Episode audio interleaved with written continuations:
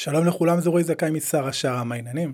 הסקר המוזיקאים העולמי של חברה שנקראת מידיה, שנערך ברבעון הרביעי של 2021, זאת אומרת לפני שנה, הוא נועד להבין בין היתר את המבנה הכנסה של מוזיקאים, מה נחשב להצלחה בעיני המוזיקאים, תהליכי יצירת המוזיקה שלהם, ועוד כל מיני פרמטרים אחרים.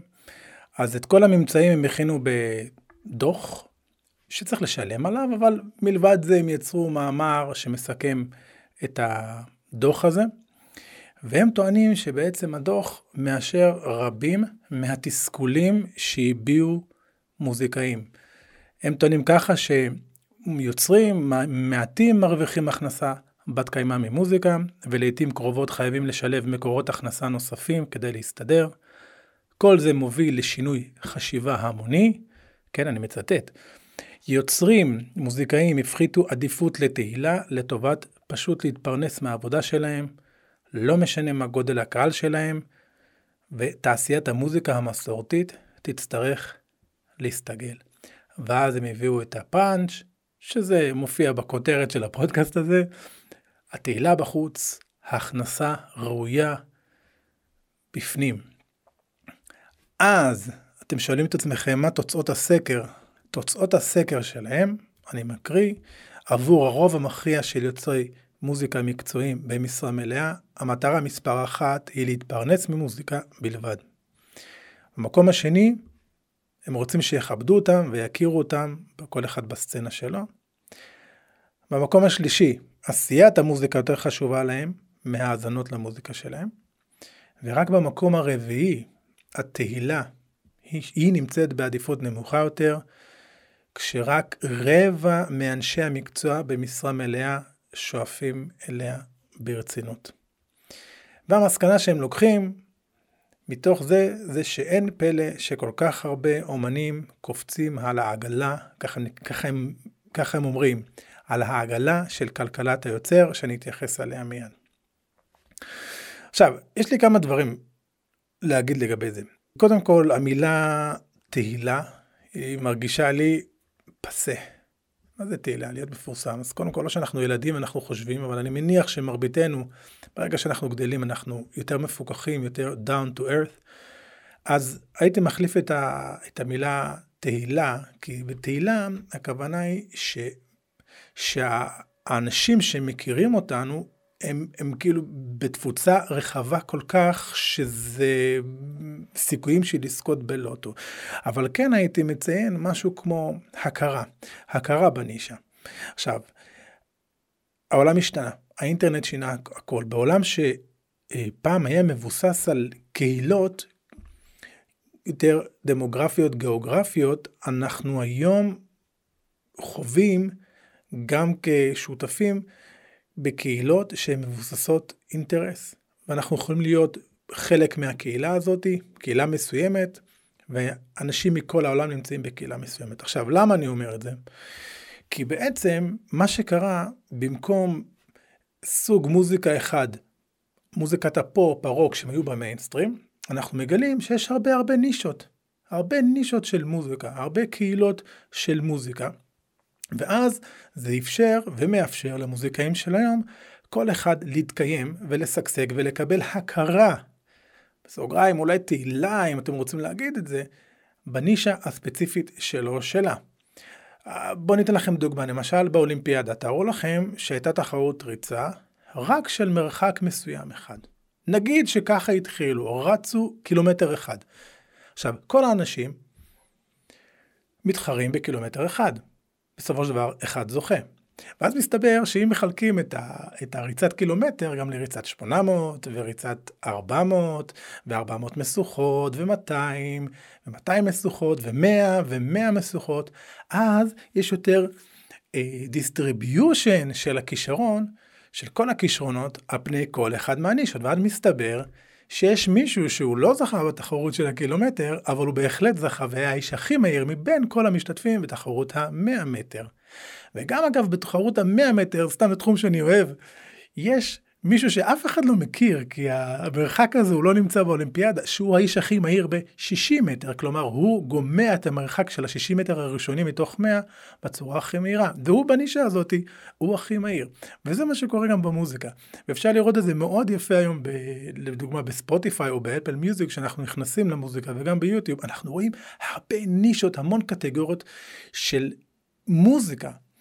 ובכל אחד מהם אנחנו מגלים, מגלים עוד מוזיקאים שבוודאי לא ראיתם בטלוויזיה, ולא תקראו עליהם במגזינים הגדולים של המוזיקה, והם מאוד מצליחים עם מיליוני האזנות, שאני כל פעם מופתע, כל פעם אני מגלה מוזיקאים חדשים, והם בנישה שלהם מאוד מצליחים, הם מאוד משגשגים, הם הצליחו, הם עשו את זה, הם לא מתוסכלים, כמו שציינו כאן בכתבה.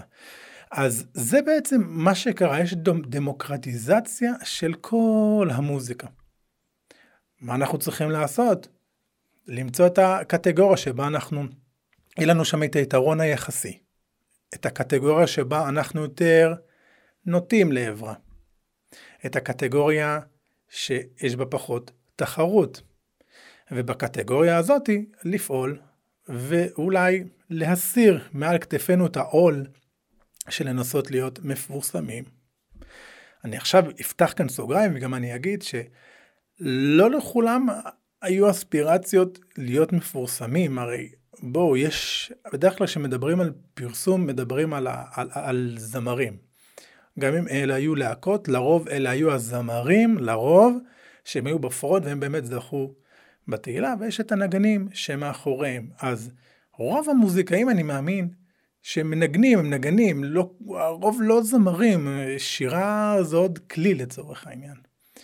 ולפחות בזמנו, לא מה שקורה עכשיו, כי עכשיו יש הזדמנויות מדהימות. אם אני, בתור גיטריסט, אז הייתי יכול להיות נגן של איזו הפקה מסוימת, או איזשהו אולפן, או ללמד גיטרה, בגדול, כן?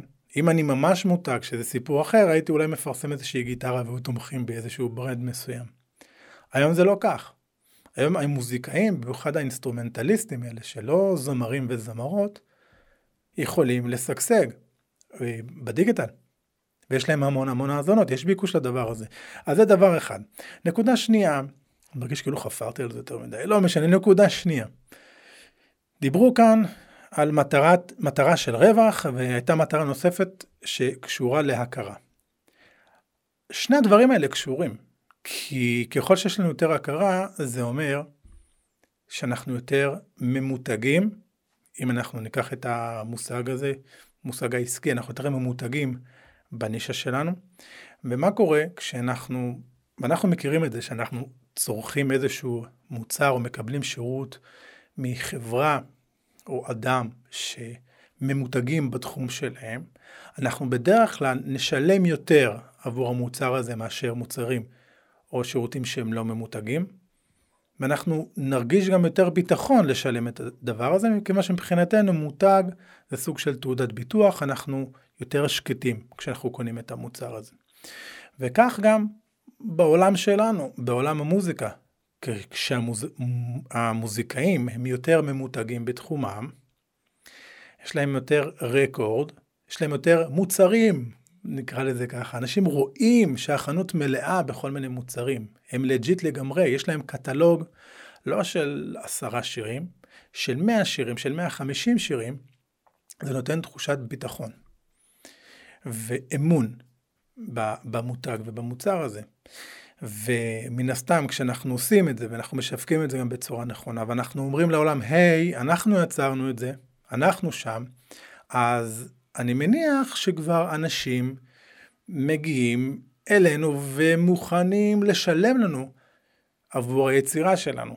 אם זה בצורה של לבוא להופעות, והנה, ההכרה מביאה בעצם להכנסה של הופעות, יותר, יותר אה, השמעות בפלטפורמות הדיגיטליות, אז הנה, ההכרה הביאה ליותר הכנסות, יותר מותגים מתחילים לפנות אלינו, הנה, מקבלים כסף בתמיכה של מותגים.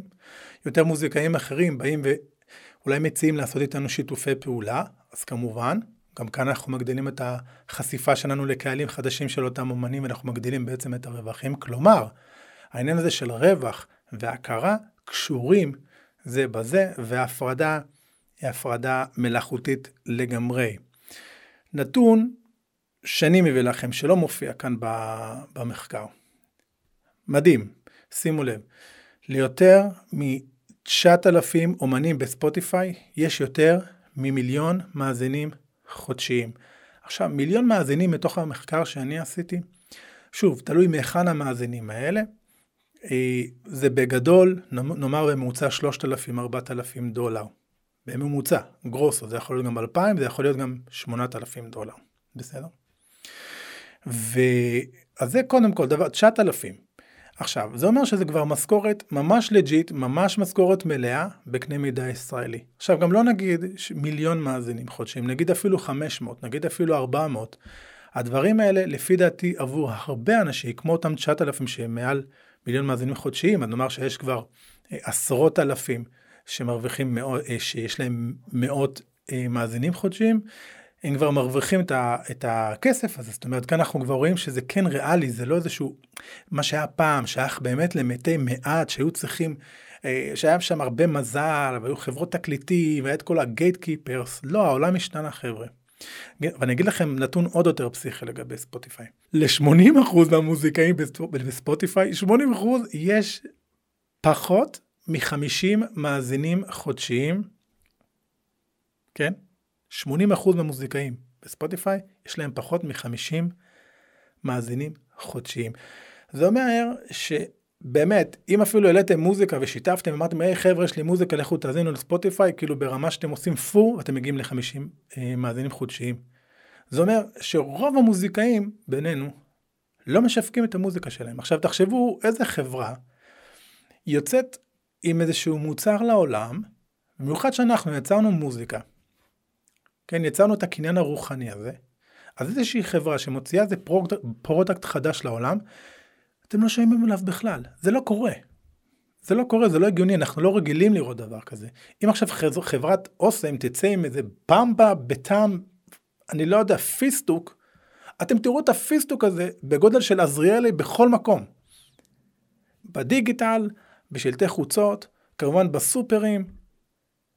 אז זה לא מספיק שאנחנו יצרנו את המוזיקה, זה גם להם, זה לא מספיק שהם יצרו את המוצר, צריך לה, להעביר אותו הלאה, בסופו של דבר, בסופו של דבר אנחנו לא יוצרים למגירה, אנחנו רוצים שאנשים אחרים מלבדנו ומלבד המשפחה שלנו יאזינו, וכן לקבל את אותה הכרה קטנה, לעשות את השינוי הקטן שלנו בעולם שלנו, על הסביבה שלנו, בדולינה, לא לנסות לשנות את העולם. ולא לנסות לשנות את כל ה... לקבל את התהילה העולמית הזאתי. לקבל את ה... לשלוט במה שאנחנו יכולים לשלוט. אז איפה אותם מוזיקאים? אני חושב שאני הייתי, הייתי מעניין אותי לשמוע, לדעת, מתוך אותם, מתוך אותם אה, מוזיקאים מתוסכלים שהם אה, יעשו איתם את הסקר, כמה מהם באמת, באמת, אחרי שהם יצרו את המוזיקה שלהם, שבינינו זה החלק היום יותר נוח לנו, יותר קל, כי גם אני, אני מבחינתי לנגן כל היום בגיטרה, זה הדבר הכי מגניב. וכמה מהם באמת, וואלה, עכשיו השיתו את הספינה הזאת הלאה, כמה שיותר, סחטו את הלימון עד הסוף. מעניין אותי לדעת. נקודה הבאה ואחרונה, זה לגבי המסקנה שלהם של כלכלת היוצר. אני מזכיר לכם, אמרו, אה, לא פלא, בגלל כל המצב של המוזיקאים, שהם פגשו בו לכאורה בסקר הזה אין פלא שאנשים הופכים להיות יוצרים. כלומר, content creators, כאילו גם, אגב, זה, זה איזושהי מילה, מילה גסה. אז קודם כל אני חושב שכלכלת היוצר לא הייתה מתקיימת אם לא היה לזה ביקוש. אגב, הביקוש שמגיע מאותם, מאנשים, מהקהל הרחב, זה אותם אנשים אגב שגם ישמחו להאזין למוזיקה שלנו. אבל העניין הזה של, ה, של ליצור, בעצם ליצור תכנים שקשורים למוזיקה. מסביב למוזיקה מסתבר שבהרבה מהמקרים אפילו זה הדבר שהכי מעניין אנשים. מעניין אותם לדעת איך יצרת את המוזיקה. מעניין אותם לדעת את הסיפור האישי שלך. מעניין אותם לדעת איך את מנגנת את הריף הזה, איך את מצליחה לנגן אותו בגיטרה. או בכל כלי אחר, אני כל פעם צמוד לגיטרה, אוקיי? אז היום המוזיקה זה כבר לא רק אה, צורה של אומנות מבין, מבין כל האומנויות, היום מוזיקה זה עולם תוכן שלם. מעבר לזה, אני מכיר, מכיר מוזיקאים שהם, נקרא לזה, יש להם הרבה פנים. יש מוזיקאים שיודעים לעשות רק מוזיקה, ממש מדליקים ומכבים אותם. הם רק תנו להם לנגן, לשיר, הם כאילו לא יודעים לעשות כלום מעבר. שגם אז, אני מכיר את החבר'ה האלה, זה, זה לא ממש ככה, אוקיי? בוא נאמר שיש את האלה, ויש מהצד השני, סוג שני של מוזיקאים, שהם עושים גם מוזיקה. הם מאוד מעולים במוזיקה, הם מצטיינים במוזיקה, הם הרמה הכי גבוהה של המוזיקה, אבל יש להם גם כישורים בדברים אחרים. והם עושים את הדברים האלה. אז הם גם משווקים את עצמם. והם גם אומרים, אוקיי, יצרתי מוזיקה, אבל גם מרגיש לי ליצור וידאו. מרגיש לי לעשות איזשהו ולוג. מרגיש לי לייצר איזשהו סטארט-אפ שקשור למוזיקה. מדליק אותי, אני לא רק יושב ומנגן. אז יש גם את אלה. אז כלכלת היוצר היא קודם כל ביטוי, או בכלל תופעה, או היום זו עובדה. זה כלכלה אדירה, בקנה מידה אדיר, שא', הוא ביטא צורך של קהל, שמבקשים את התכנים האלה. ודבר שני, הוא גם בהלימה להמון מוזיקאים שהם רוצים לעשות את הדבר הזה, ולא עושים את זה בעל כורחם. אני בכלל מאמין שאם לא בא לכם לייצר תכנים, אל תיצרו תכנים. יש לזה השלכות, אבל אל תיצרו תכנים.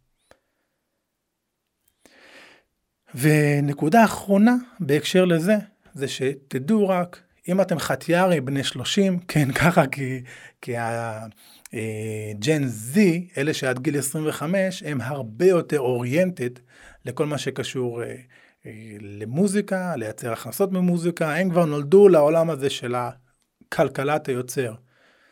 ו, ואם את או אתה לא שם, לפי דעתי אתם, אתם מפספסים בגדול, מכיוון שאתם לא יוצרים עוד אותו שיווק, אתם גם באמת הופכים להיות אלה שמתוסכלים, אני מקווה שאתם לא שם. אבל מה שאני רוצה לומר, וככה לסגירה, לסיכום של כל הסיפור הזה, חבר'ה, אנחנו חיים בתקופה הכי טובה. לחיות במוזיקה, אין לנו את אותם גייט קיפרס.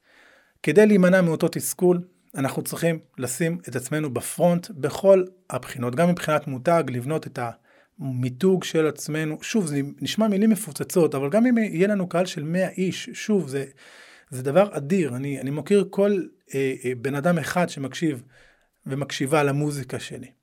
זה דבר אדיר. אז קודם כל, לצאת מעצמנו, להופיע, to show up, בתדירות הכי גבוהה שאתם יכולים לעשות.